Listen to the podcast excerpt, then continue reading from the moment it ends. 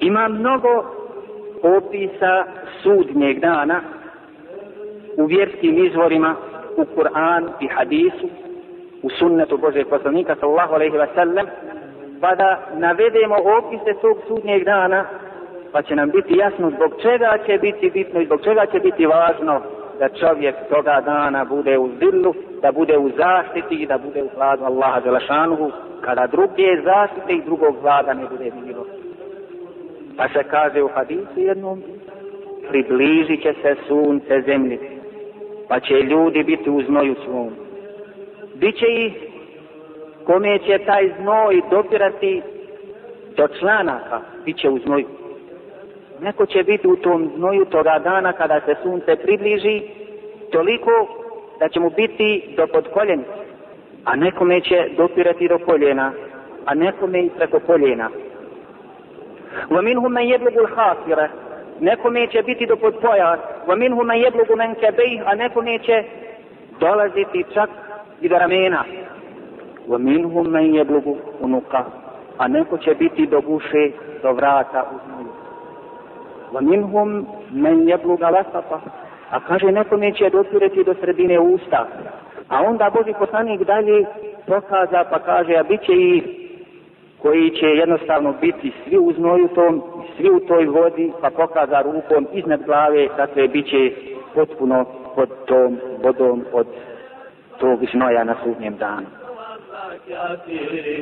Teško vama džavi, sudnji dan kad nastupi, teško vama kafiri, sudnji dan kad nastupi, kad se nebo rastjepi, izvani ne pokrenu, kada mrtvi ustanu, ko će vama pomoći, ko će vama pomoći, sudnji dan kad nastupi, ko će vama pomoći, sudnji dan kad nastupi. Zbog nevjere u Boga, zbog grijeha teškoga, gorjeće se u vatri, teško vam znak ja biri, teško vam znak ja biri, tuđi dan kad nastupi, teško vam znak ja biri, tuđi dan kad nastupi.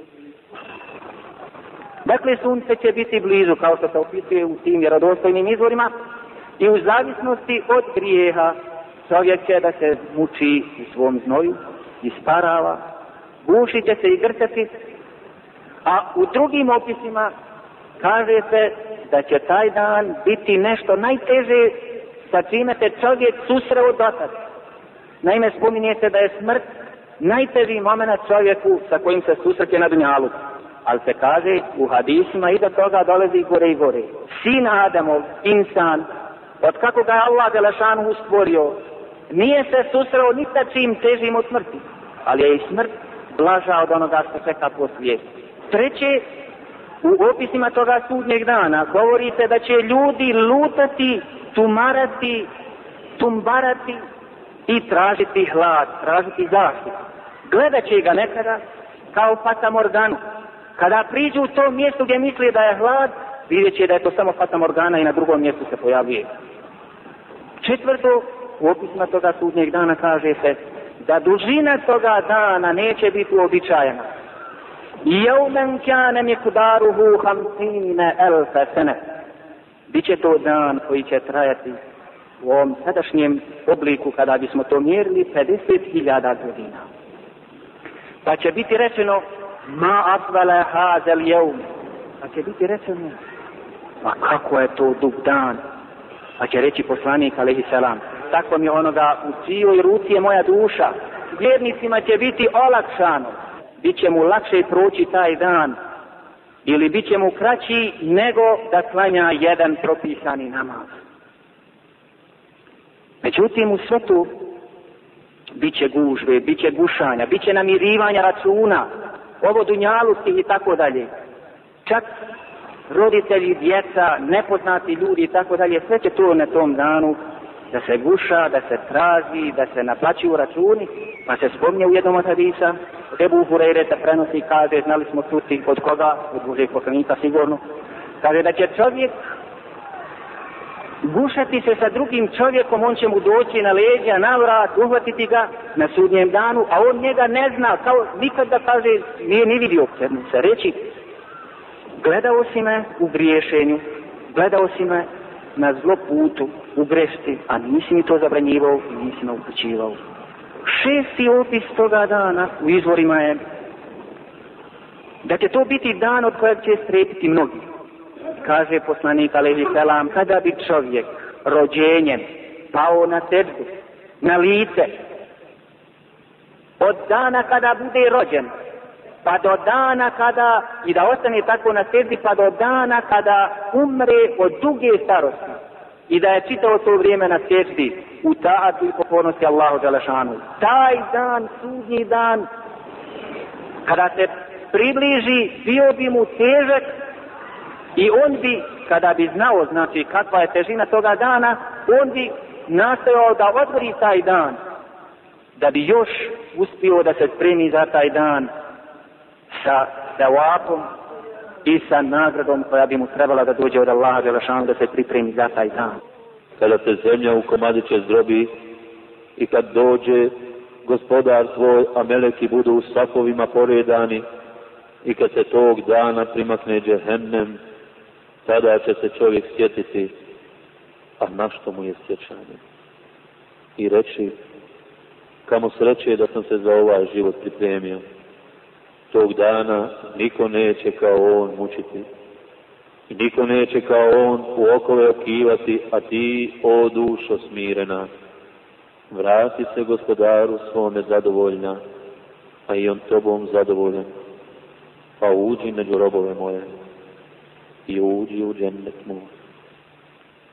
Dakle, ovo su ajeti u kojima se govori o momentu kada čovjek dođe na sudnji dan, kada ga Allah Đelešanu mu oživi i kada se iskupe ljudi na mahšeru na tom jednom mjestu zajedničkom gdje će polagati svoj račun i kada će se svaki čovjek sjetiti čitav život njegov dunjavu svi će mu proći, svaki njegov moment, svaki sekund njegovog života koji ga je potrošio u nemaru, u okretanju da Allahove istine, u zaboravu na ahiret, u nevjerovanju Allaha Đalmašanuhu i tada će se žesto pokajati v Allah. Subhanallah. Allah je žarom govori da ćete čovjek tada sjetiti. Sigurno će se sjetiti i nam će mu pasti njegov dnjalučki život i ušta ga je utrošio. Kada se sjeća, onda kada sjećanje, ni kajanje, ni tugovanje, ništa ne koriste. Kada od toga nema nikakve fajde i koristi, kad već vidiš očitu jasnu istinu pred sobom, Džaba je sada kreatrima koji će tražiti da se vrate na dunjavu da rade dobra djela. Kada povratka više nema. Ahiret je vječan, kazna je pred njima ima da je iskusen. Zbog toga je žrtvo pokajanje. Kaže uzvišeni ti nisi mario za ovo. Pa smo danas skinuli tvoj kopremu i danas ti je oštar vid. Danas je ja ti, nema, nema više zastora koji je skrivao istinu. To će biti dan, braćo, velikog straha i velikog užasa, velikih iskušenja. Pa kaže Allah djel začanom, kada džehennem ugleda one koji se okupili, džehennem kada ugleda, čuće je kako gnjevno huči. Kada ugleda iz daljine džehennem. Što se tiče ove udaljenosti, neki kažu da je to, ima jedna pedera koja se kaže da je to sto godina koda udaljenosti a kad sa sto godina udaljenosti, kad je ugledaju ljudi vatru, kako guči i kako gnjevna ide prema njima, prepašće se, prestravit će se, u drugom tada i stoji sa udaljenosti, da se pojavi kada ugleda džehennem njih i oni vatru kad ugledaju, 500 godina hoda, 500 godina hoda. I zamislite taj trenutak kad se pojavi džehennem, kada je Resul sallallahu alaihi wa sallam, džehennem će imati 70.000 pobodaca, 70.000 ulara, za svakim pobodcem 70.000 meleka. I kada bi meleki pustili džehennem, koji je gnjevan na kafire, a tu razku razku stavu vatru, kada, kada bi pustili te pobodce, kaže, uništila bi vatra, bogobojasne kafire ali je Allah Đelešanu mu odredio da ona bude kazna samo za poricatelje Allahove istine. Pa toga dana mi smo spominjali, ali mnogi nisu čuli na slučaj, toga dana će se svetati, dakle, kad vatra njih ugleda i kad oni čuju nju i njenu buku, i njenu buktanje, kaže, prebrasne se i najbliskiji meleki Allahu Đelešanu mu. Nisu ništa skrivili, jedni od njih su bili non-stop na cesti, jedni non-stop na ruku, čitav, čitav život. Zato bi Allah stvorio stalno na ruku ili na sredini ili na kijamu. Pa će se toliko prepasti i najbliskiji Allahom je robio od ljudi, a to su poslanici, pa će Ibrahim ali sedam to da rana reći, u desirog ajta stoji Rabbi inni la es'elu kal jevna illa nefsi. Gospodaru, ja ne molim danas ni za kako osim za se. Ni za, a Isa već sam će reći, ja rab, ja danas zaboravljam na svoju majku, Marija, Ramerovi. Isa već sam to su izdjeli Allahovi robovi, pa šta onda reći za ljude? Za ljude koji su toliko, toliko svog života po kratnom, tako gunjavčku počinili grijeha. Bilježi tirmizi hadisa na Mugurejna radi Allahu ta'ala, da je rekao Resul sallallahu alaihi wa sallam, izići će vrat džehennema na sudnji dan na kojem će biti oči kojima će gledati i uši kojima će slušati i jezik kojim će govoriti pa će reći ja sam poslan radi trojice ili radi tri vrste ljudi. Prvi od njih su svaki onaj koji je Allahu pripisivao druga, koji je imao Allahu obožavao nešto drugo. A da se može li Allahu obožavati nešto drugo? Kaže Resul sallallahu alaihi sallam, nema većeg grijeha od toga da pripisuješ Allahu druga ili idola, kako danas to zovu u modernom dobu. A on te stvori. Allah te stvorio, ti obožavaš nešto drugo. Gdje su obožavavati onog iz Australije, onog rockera, pjevača, oni bili idoli. I pogledajte šta čudi pjapire. Šta čudi one koji su ga obožavali i čiji je to Bog tak mogla bili, čiji je to uzor bio. Kratu, ne možemo da vjerujemo da se ubio onda kada je bio na vrhuncu slave i kada je živio najljepšim životom. Dokraja će sebi život. Gdje su sljedbenici? Gdje su sljedenici? Šta on treba da uradi? Treba pa se da se poubijaju se, halo. Ubio im se idol, nema ga više. Ne mogu više da naslušaju njegov šajtanski glas, njegovo dovođenje. I bit će sa njim ako se ne dozovu, a nisu se, nisu se dozvali pameti, nego dolaze pa da, da mu odaju posmrtnu počast, plaću, jauču, leleću i tako dalje.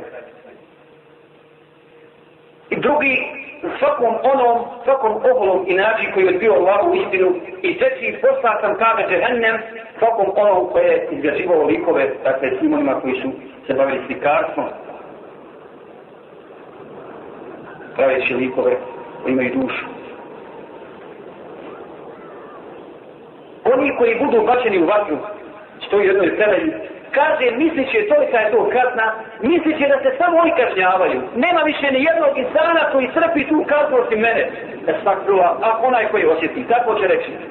A pogledajte kako danas ljudi, koji ne mogu nikako izići iz tih ljudskih okvira, moraju se pokoravati Allahu Đelešanu, mora da jede, mora da pije, mora da ide u WC, mora da spava, oborijeva i tako dalje i tako dalje. Dakle, ne mora li ti okvira izići? To je silo pokoravanje, mora se pokoravati. I šta kažu? kad ga upozoravaš na vatru, kad ga upozoravaš na gospodara svjetloga koji ga je stvorio u tako divnom obliku i dao mu planet, dao mu srce da razumije, pokazao mu ajet i znakove samo poslanike, kaže, neću biti sam. Ako budem u džihadinu, neću biti sam. A Allah i kad misli da je sam i da niko ne trpi kaznu osim njega. I da niko ne trpi kaznu osim njega. Čak na Dunjavuku. Na Dunjavuku ste vidjeli ljude koji su iskusili robore, koji su patili Dunjavučki tabuti i nekakvi gospodarčići. Vidjeli ste da za, za korun ljeva izdaje svog oca rođenu, majku, sestru, vrata i tako dalje. Na Dunjavuku, kako ćeš reći na Ahiret pred gospodarom svjetova? Pa neću biti sam. Neću biti sam. Znači kaže uzvišeni, grijetnici će ugledati vatru i uvjerit će se da će u moj vječni ostati. Uvjerit će se tada sigurno da je ona za njih pripremljena i da iz nje izbavka nema. I kaže uzvišeni, kada budu u njega bačeni, kaže, čuće njegovo skepanje i čuće kako gnjevno uči i ključaće i kaže, kad Bog gotovo da se raspadne od djeca, džehennem, gotovo da se raspadne od djeca, kad god tvoja skupina bude ubačena, reći će čuvaru, melek, pa je vam iko dolazio da vas je vas iko upozoravao na Dunjaluku na ovaj dan Subhanallah? Je vam iko govorio zašto ste stvoreni? Je vam iko govorio o Allahu Đelgašanovu? Je vam dolazio poslanik? Jeste li imali knjigu? Jeste li imali koga da vas upozori? To je težak dan, nema više povratka. Koga se kada ovaj Đelgašanovu? Gotovo da se raspadne, u tefsiru stoji ovoga ajeta, kada je komada žijete, razbajati se komadi džehennema jedan od drugu od silnog djeca, a kaže džehennem neće plivati i čučati u njemu, pošto malo, malo zrne je bila u puno vodi. Malo zrne je znate, kad ključa voda, kad, se, kad uzme onaj svoj ključ, tako malo zrne je skače i ključa, tako će džehennem lije ključati u toj vatri. Napomenut ćemo na početku, braćo, hadis Resula sallallahu alaihi wa sallam u kome kaže da će prvi s kojima će se potpaviti džehennem biti, subhanallah, velikog ibreta i pouke za nas. U izolu Allah i sad moramo, ovo moramo razmišljati. I oni koji su prihvatili Allahovu istinu, da samo čiste svoje nijete. Kaže, prvi s kojim su potpaviti vatra jeste onaj koji se borio na Allahovom putu, a nije bio iskren i poginuo. I kad dođe na sudnji dan, vidjet će i nagradu za tu, za tu svoju borbu koja bi mu trebala da pripadne jer velika je nagrada mu džahidu na Allahu wa sallahu subhanahu. Velika je nagrada u pisac. Vidjet će tu nagradu i mora da vaš se. Pa će mu reći Allah, zašto si se borio? E, gospodaru, borio sam se u ime tebe. E, ne, Allah, i borio se da kaže, ti si mi kako je raba. I u džahinem ga bati. Samo nagrada čeka, već je vidio nagradu koja bi trebala da pripadne njemu. Pa kaže drugi od njih je učenjak, koji je učio nauku pa će mu se prikazati jebola nagrada koju je trebao da dobije, pa će biti pitan zbog čega učio taj gospodaru u ime tebe reče ne vallahi i laziješ, nego si učio da kažu vidi kako je učen, kako je pametan, kako je inteligentan. Da ljudi steknu od tega lijepo mišljenje. I treći bogatan koji je dijelio svoj metak, ali samo da ga ljudi vide, a ne u ime Allaha žel zašanu. To vas znači neiskreni nije. Čak i za takve džehennem, i oni će biti prvi, prva potpala džehennemu, džehennemskoj vatni, a samo i za one koji su okretali se od Allahove istine i koji su živjeli kao životinje i gore, jer kaže Allah žel zašanu, u lajke ulaike kal enam bel adam oni su kao stoka, čak su i gori jer Allah je zanavio dao čovjeku obskrbio ga sa, sa svim mogućim svojstvima s kome može da spozna gospodara i on treba da bude nosio na zemlji nosio se rahida nosio se Allahove istine međutim, kad se odrekne toga onda džaba i pamet, džaba i e, taj prirodni zakon koji Allah je zanavio stvorio gradi svakog čovjeka kaže Resul sallallahu alaihi ve sellem hadis se prenosi od Esada ibn Musa da je rekao Rasul sallallahu alaihi sallam u džehennemu ima dolina od koje se dosta dio džehennema utječi Allah jer je sanom sedam puta na dan. A u toj dolini ima jama od koje se ta dolina utječi Allah jer je sanom ušte u tako. A u toj jam jedna ogromna velika zmija od koje se utječe ta jama. Te kaže, to je mjesto Allah pripremio za one koji su bili nosioci Kur'ana bin Sulazovi ili su lažljivci. Dakle, putem u Kur'ana je puta Hireta, tim putem kojim se zarađuje Hiret i vječna nagrada, vječno uživanje u džennetu, subhanallah, ti ljudi su iskoristili radi nekih dunjavučkih sitnih korista. I za njih je pripremljeno to, pripremljeno to mjesto.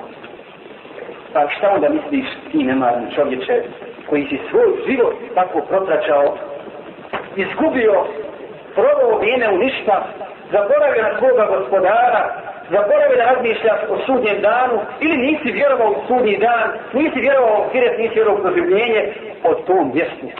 Šta ako ti zapadne to mjesto, čija je unutrašnjost mračna i tijesna, ostanak u njemu vječan, hrana, hrana u njemu drvo zekum, a piće vičava voda, kaže uzvišeni. I tada ćete vi o zabludjeli koji poričete oživljenje sigurno drveta zekuma, jesti, i njime ćete trbuhe svoje puniti, pa zatim na to godu slučaju piti poput kamila koji ne mogu žeđu gasiti. To će biti njihova, njihovo gošćenje na sudnjem danu. Ovdje se spomnje na kraju Hadanu Zuluhum, ovo je vaše gošćenje znači ono što se pripremi za goste, subhanallah. Da se ono što se pripremi za goste. I pogledajte kako će Allah zelo sunjem danu ugostiti čafira. Da će im se da jedu sa drveta zekum i da piju napo lučanu vodu. Pa kaže Allah zelo dalje, ona sukul uđrimina ila džehennem na virda. I kada u džehennem žedne, žedne njegove stanovnike povedemo.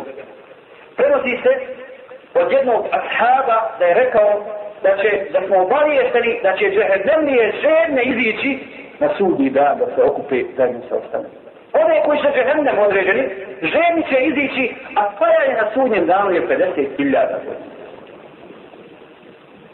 Stablo zekum, ovo drvo zekum je veliko iskušenje i velika patnja stanovnicima džehennema i kafirima, zulumčarima koji su sami sebi zulum prije svega učinili, i oni će pušati to drvo, ono je njegov, kako stoji u Kur'anu i tefsiru, odnosno hadisu Rasulullah sallallahu alaihi wa sallam, korijen ovoga drveta je u samom u džehennema, u sam, a plodovi su kao glave šeitanske.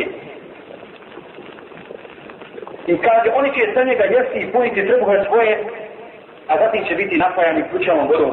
Vidjeti tirmiti, ibn Mu'ze ibn Hibban, hadis od ibn Abbas, kada je rekao Rasul sallallahu alaihi sallam, nakon što je proučio pred ashabima ajet, اتقوا الله حق تقاته ولا تموتن الا وانتم مسلمون بوتك الله ان امرت نبوك مسلمان ركع الرسول صلى الله عليه وسلم كذا بسمو كاب ضربت فزيك وانطلع على الزمل زغت لابي اونشت لابي جيوت سنونيتي مع الزمل ka drveta zeku. Pa ka drveta za ocelem opstine sabma.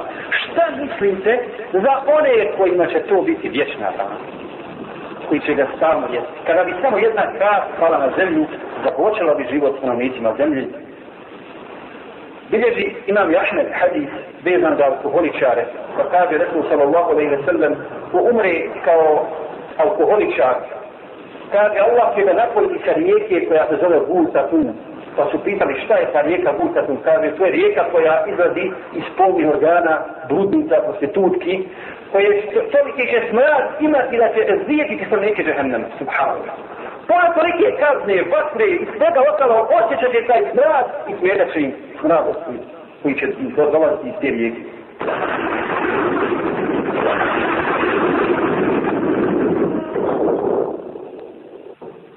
Rekao je Boži poslani sallallahu alaihi wa sallam, prvo zašto će rob Boži biti pitan na sudnjem danu jeste namaz.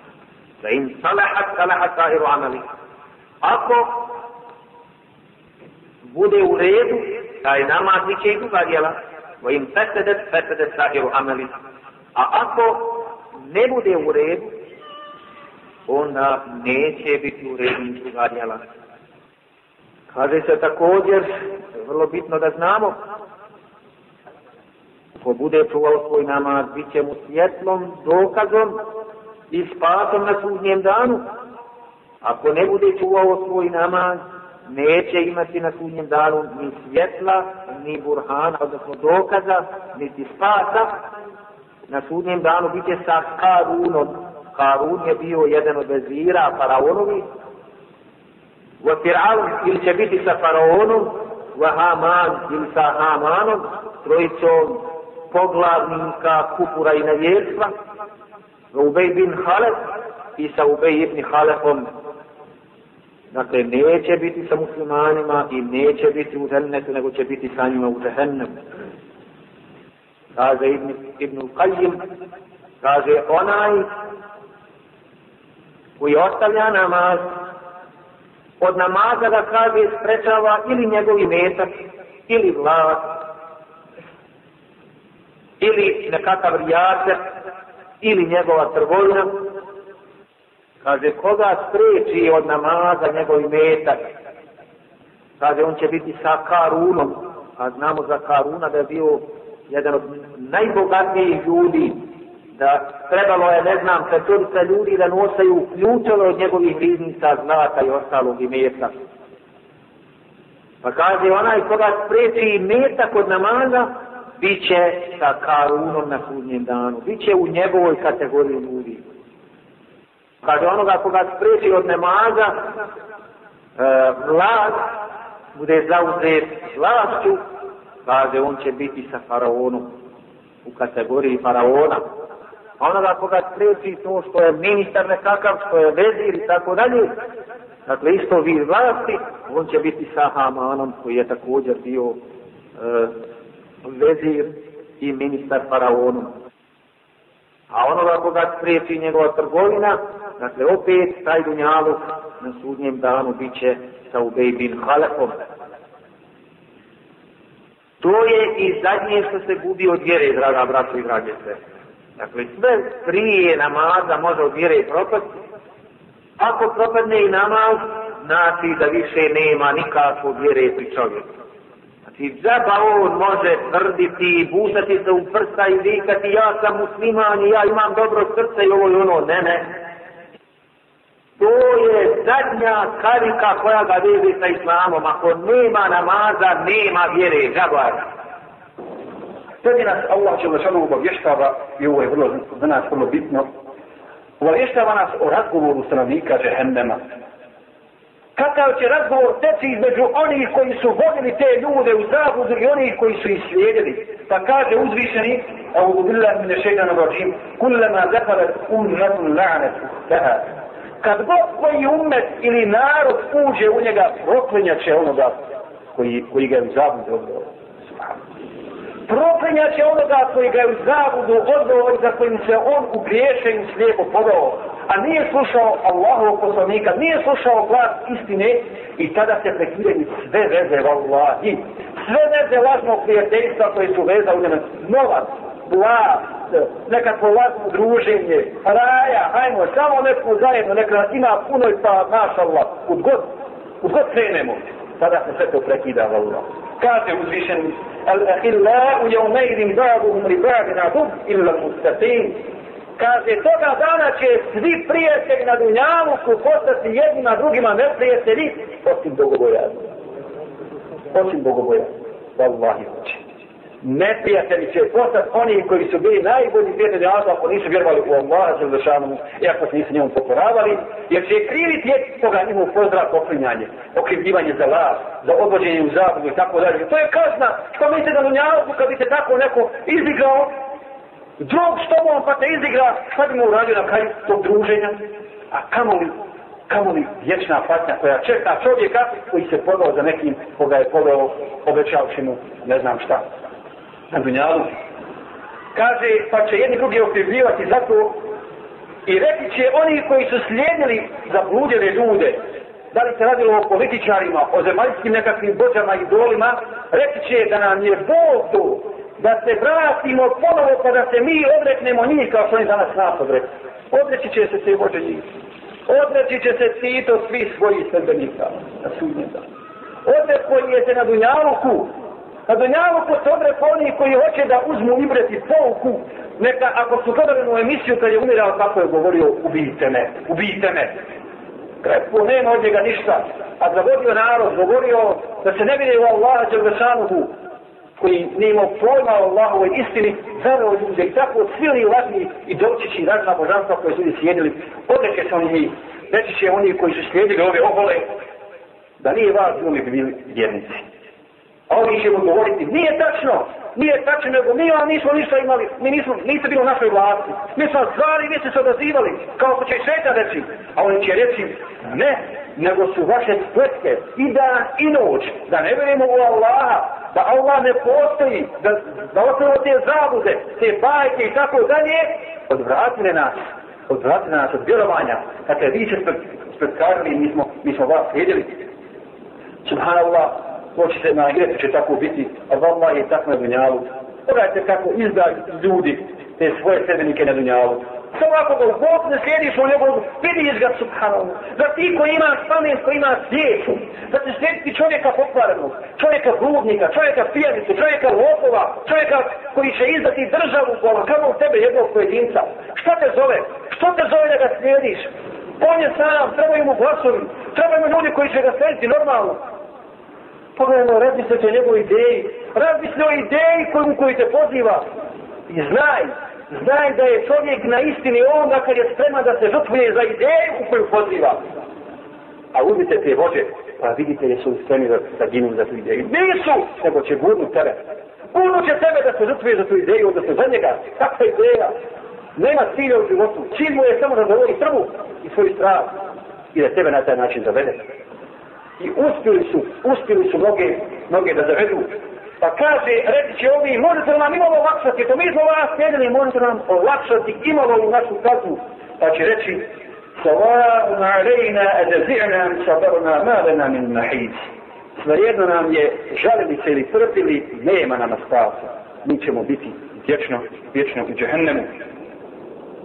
Kaže Resul sallallahu alaihi wa sallam, kada bi bilo rečeno stanovnicima džehennema, ostaćete u džehennem onoliko koliko ima piljaka na dunjalu, obradovali se. Koliko ima piljaka na dunjalu, ostaćete u džehennemu, obradovali se.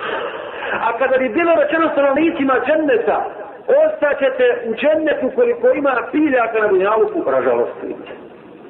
Ražalostili se ali će biti vječno u džennet, u džennet li je u vječnom zadovoljstvu i uživanju, a džehennem li je, džehennem li je u vječnoj patni. Dakle, razmislite o ovom stanju ovih ljudi, zato Resul sallallahu alaihi sallam, sad nam je jasan hadis, gdje kaže Resul sallallahu alaihi sallam, kada se najbogatiji čovjek na dunjavuku, a džehennem li je, kada dođe u džehennem, kada se malo samo zamoći, zabode u džehennem, I kada se upita jesi li osjetio ikakvo zadovoljstvo na auku, ikad.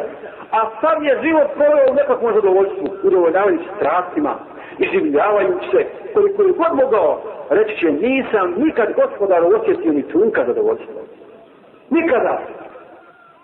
A kamo li kad vječno bude u džehennemu ili kušao tu džehennemsku kaznu? Zato je govorio Davud, ali i celam, plaći nad sobom, prije nego što dođe dan plaća, plaći nad sobom i na druge dan kad plać neće koristiti. Pa bi kaže, naloži vatru. Naloži bi, naloži bi vatru i stavi bi ruku dok plamje ne bi dođi do ruke i govori bi uzdiši nad sobom prije nego što dođe dan kad neće uzda ni kajanje ništa koristiti. Dakle, zbog toga, zbog ove stvari o kojoj govorimo, ovu stvar su dobro, pa dobro ga su razumeli ashabi i zato su se borili na Allahovom putu. Zato su utjecali Allah od džehennema i od džehennemske vatre koja je vječna. Razumjeli su snica o života. Razumjeli su da Allah će odrećanom od čovjeka stvorio da robuje Allahu će odrećanom da se boli jer je ovaj život kratak. I onda su sav život uložili na tom putu da zarade džennet, a da im Allah spasi džehennemske kazne kazna gospodara svoga sigurno će se dogoditi. Niko je neće moći otkloniti na dan kad se nebo silno uzburka, a planine s mjesta pomaknu. Teško na taj dan onima koji su poricali, koji su se ogrezli u laž zabavljali. Na dan kada će grubo u vatru džehennemsku biti gurnuti ovo je vatra koju ste poricali, pa je li ovo čarolija ili vi ne vidite? Držite se u njoj, isto vam je trpjeli ili ne trpjeli, to vam je kazna za ono što ste radili. A čestiti će biti u djennetskim bašćama i blaženstvu i onom što im je gospodar njihov dao će uživati. Njih će gospodar njihov patnje u ognu sačuvati. čuvati jedite i pijte i neka vam je prijatno. To je za ono što ste radili. Biće naslonjeni na divanima poređani, a vjenče ćemo im urije djennecke. Onima koji su vjerovali i za kojima su se djeca njihova u vjerovanju povela, i ključit ćemo djecu njihovu, a djela njihova nećemo nimalo umanjiti. Svaki čovjek je odgovoran za ono što sam čini. I još ćemo ih darovati voćem i mesom kako budu željeli. Jedni drugima će u njemu pune čaše dodavati. Zbog njih neće biti praznih besjeda i pobuda na grije, a služit će ih posluga njihova nalik na bise skriveni. I obraćat će se jedni drugima i jedni druge će pitati prije smo među svojima strahovali govorit će. Pa nam je Allah milo zdarovao i od patnje u ognu sačuvao. Nismo mu se prije klanjali, on je doista dobročinitelj i milost. Kaže Allah za lesanuhu, a prenosi to Boži poslani sallallahu alihi wa sallam u hadisu kudsi, pa kaže, Kaže, pripremio sam svojim dobrim robovima. Ono što oko nije vidjelo i ono što uho nije čulo, niti je naumpalo čovjeku uopće. A zatim Božim poslanik dodaje, ako hoćete, proučite kuranski citat ili kuranski ajet, u kome imamo potvrdu ovih gornjih riječi. Pa neće znati osoba šta ima sve što je skriveno od ljepota koje će veseliti od oči mu'mina. Dunjalučke ljepote, dunjalučke ljepote, Sprav zemljesti, draga brate i dalje sestre, nisu jednostavno ništa. Samo možemo preko toga da kojimo ljepote, odnosno da ih čujemo, da čujemo za njih, ali vrijednosti ne mogu se porediti nikako. Pamet, draga braćo, ne može obuhvatiti, ne može shvatiti vrijednosti tog zemljeta. Kaže od Sehri bin Sada je Sa'idija, prenosi se da je Boži poslani sallallahu alaihi wa sallam rekao Samo jedno mjesto koliko može biti jedan da zakati, u zemljetu vrijednije od Dunjaluka i onoga što ima na Dunjaluku. Zato ulazak u džennet i spas od džehennema je pravi, najveći spas i najveća vrijednost. Kako će biti kraj ulazak u zemlje, draga braća? Prije svega, sreća ulazka u taj zemlje biće ogromno. Ulazi se grupa za grupom, ponos, autoritativno, gospoda. Idu ka zemljetskim uzivanjima i kad dođu do zemljetskih vrata, otvaraju se dennetska vrata, a na doteku, na dobrodošlici, meleci. Plemeni ti meleci, se spitaju sretan dolazak. Nakon ispita i nakon straha koje će proživjeti čovjek, dok je na ispitu i prije nego što ide u dennet.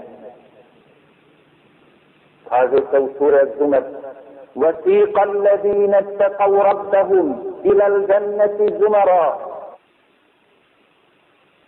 i niti će oni koji su bili bogobojadni, niti će u grupama ka džennet i kada dođu do dženneta, otvara će se džennetka vrata. A čuvari džennetkih vrata će im reći, selamun alaikum, neka je na vas kvar, idtum se kuluha halidin. Blago vam je ulazite kroz ova zemljetska vrata. Odnosno, blago vama na vašim dobrim dijelima i blago vama na vašim dobrim riječima i blago vama konačno na vašem dobrom akajdu, dobroj ideologiji. Tako će dosekati meleci grupe zemljetlija koji će dolaziti i hrliti ka zemljetskim vratima. Ima ih koji će ući u džennet bez polaganja računa, draga braća. Nekuno se nao jedan od hadisa na tu temu.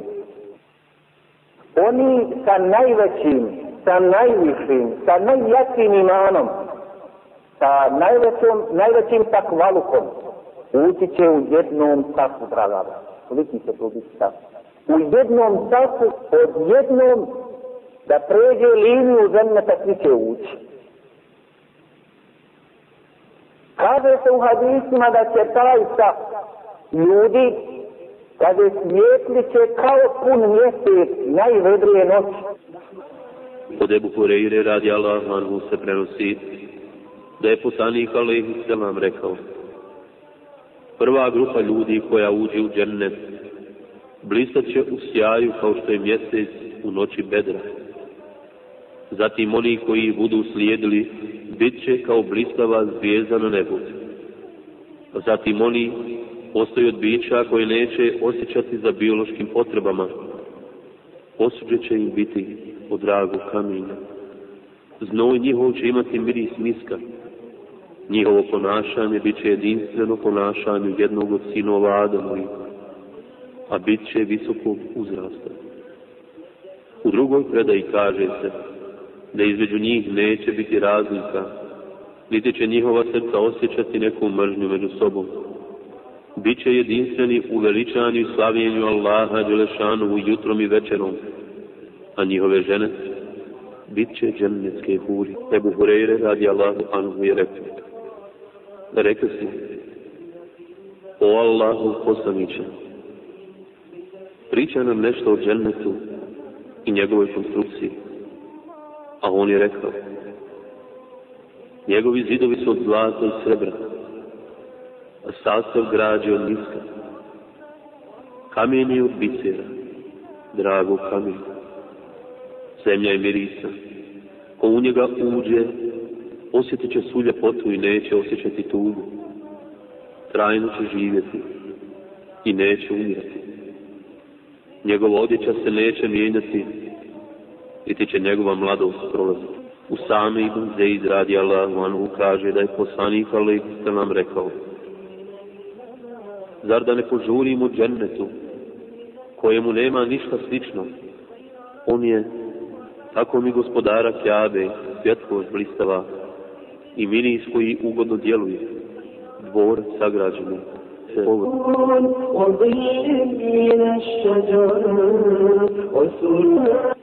To su mjesta predviđena za vjerovjesnike, a ne za ostale. On tada reče, ne, tako mi onoga učio i ruci moj život. On ukaže, njen miris i izgled je bolji i ljepši od cijelog svijeta i onoga što je na njemu.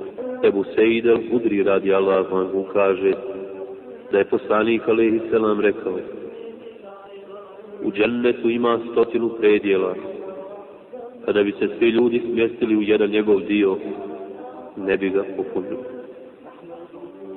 A Ebu Hureyre radi Allah vam ukaže da je poslanik Alehi Selam rekao U džennetu ima stotinu katova koje je Allah obećao za muđahide koji se bore na njegovom putu.